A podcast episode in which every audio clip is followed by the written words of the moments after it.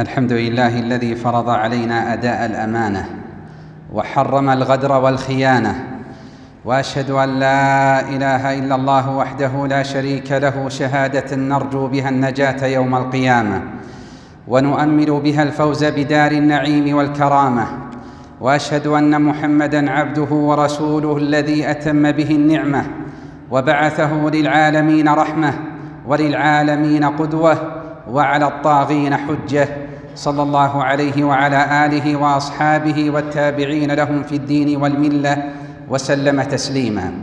أما بعد فيا أيها الناس اتقوا الله تعالى وأدوا الأمانة التي حملتموها. قال تعالى انا عرضنا الأمانة على السماوات والأرض والجبال فابين أن يحملنها وأشفقن منها وحملها الإنسان إنه كان ظلوما جهولا. والأمانة كما قال الكفوي كل ما افتر كل ما افترض على العباد فهو أمانة كصلاة وزكاة وصيام وأداء دين وأوكدها الودائع وأوكد الودائع كتم الأسرار انتهى. ونبينا صلى الله عليه وسلم قد عرف في الجاهلية بالأمين والناس يميلون بفطرتهم إلى الرجل الأمين ولما أتى صاحب نجران إلى رسول الله صلى الله عليه وسلم وقال ابعث معنا رجلا امينا ولا تبعث معنا إلا امينا. فقال صلى الله عليه وسلم لابعثن معكم رجلا امينا حق أمين. فاستشرف له أصحاب رسول الله صلى الله عليه وسلم. فقال عليه الصلاة والسلام قم يا أبا عبيدة بن الجراح فلما قام قال رسول الله صلى الله عليه وسلم هذا أمين هذه الأمة. رواه البخاري ورضي الله عنه.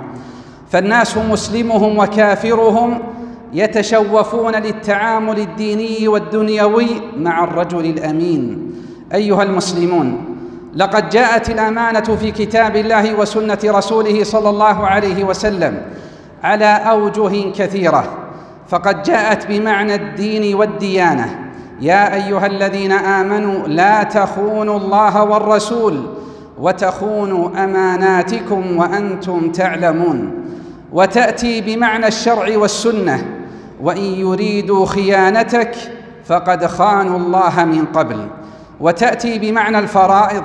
إنا عرضنا الأمانة على السماوات والأرض والجبال فأبين أن يحملنها وأشفقن منها وحملها الإنسان.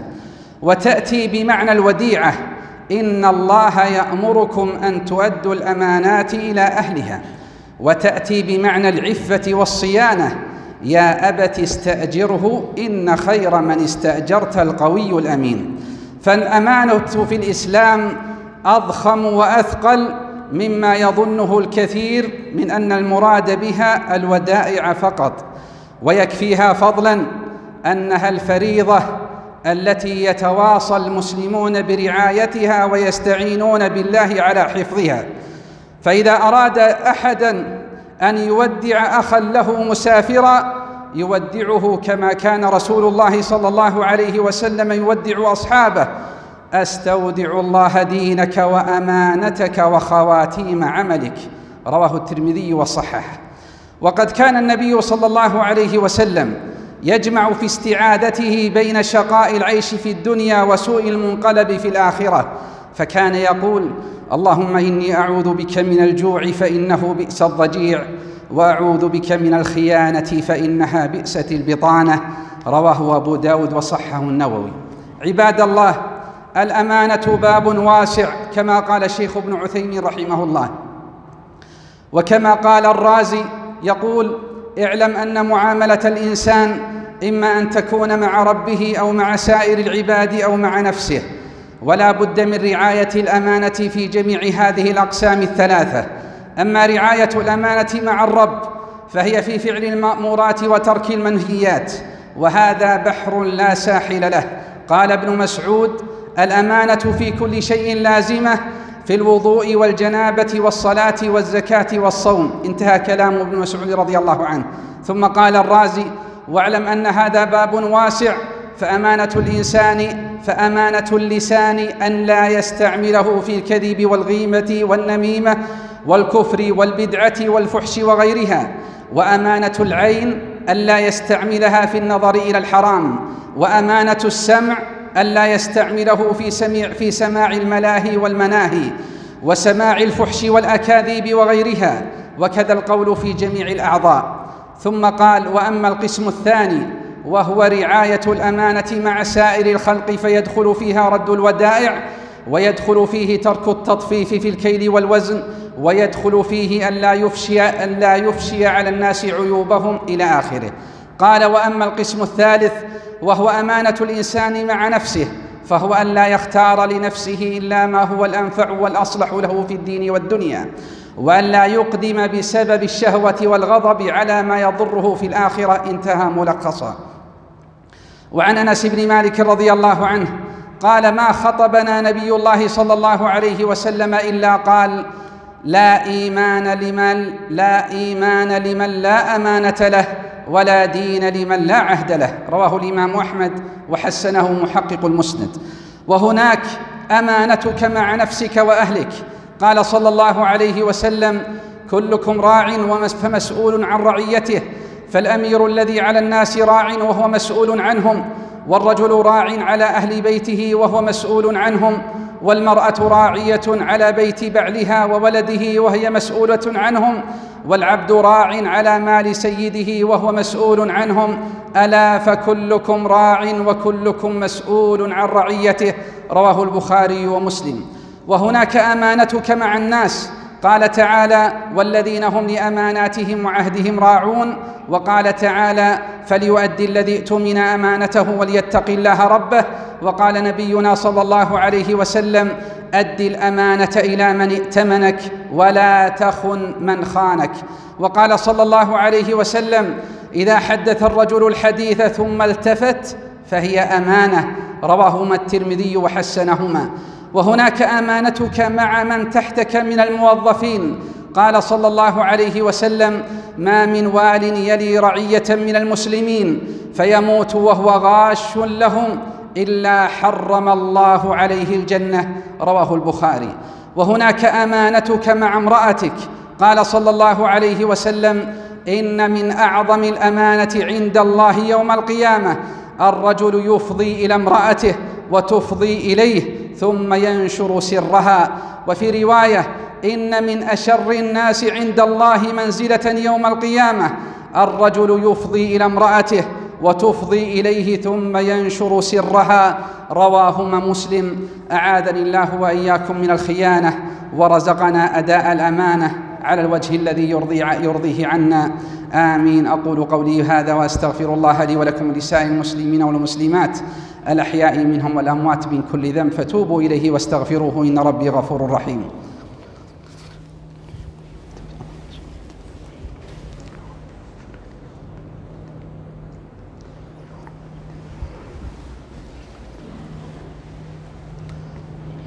إن الحمد لله نحمده ونستعينه.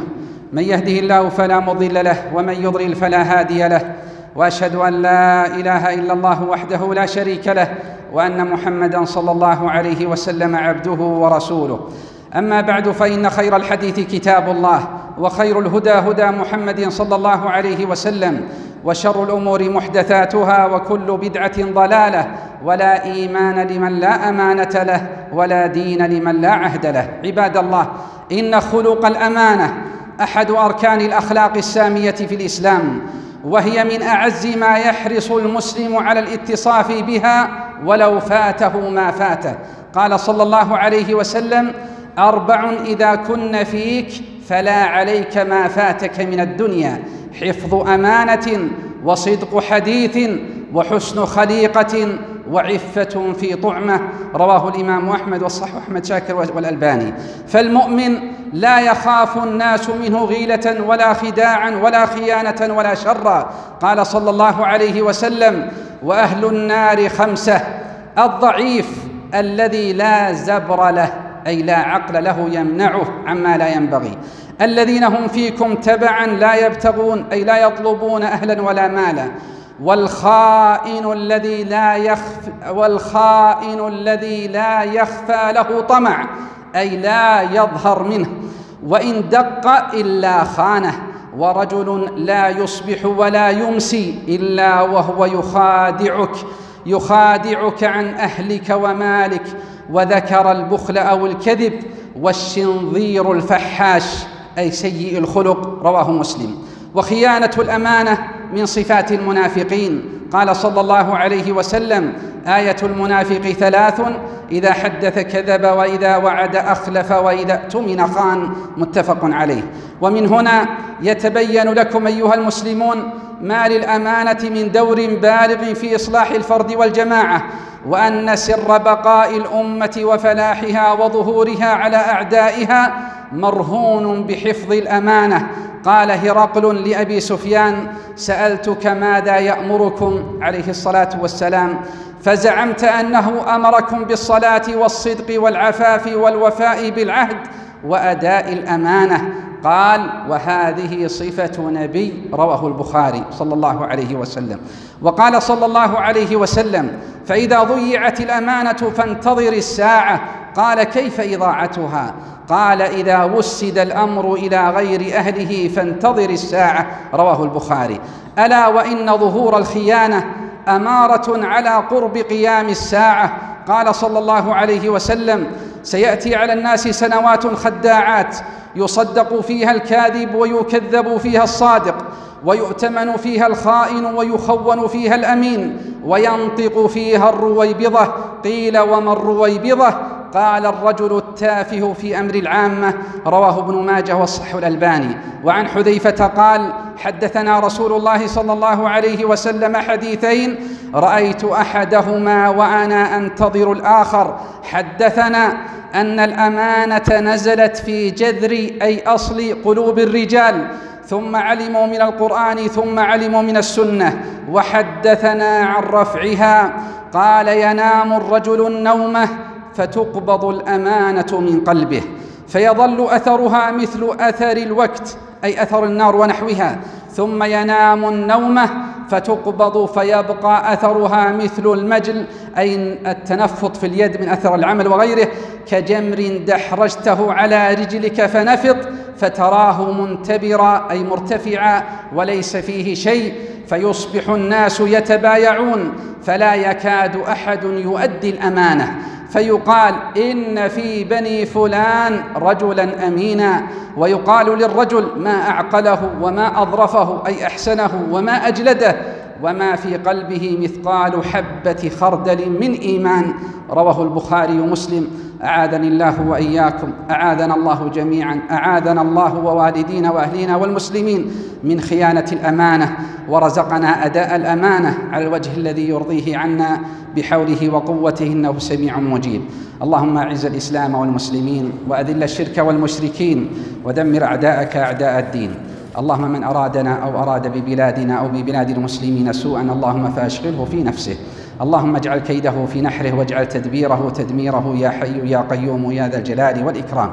اللهم احفظ حدودنا وانصر جنودنا ووفق ولي أمرنا خادم الحرمين الشريفين وولي عهده وجميع ولاة أمور المسلمين لما تحب وترضى. اللهم وارحم موتانا واشف مرضانا وعاف مبتلانا برحمتك يا أرحم الراحمين. اللهم صل وسلم على عبدك ورسولك محمد وآله وصحبه أجمعين.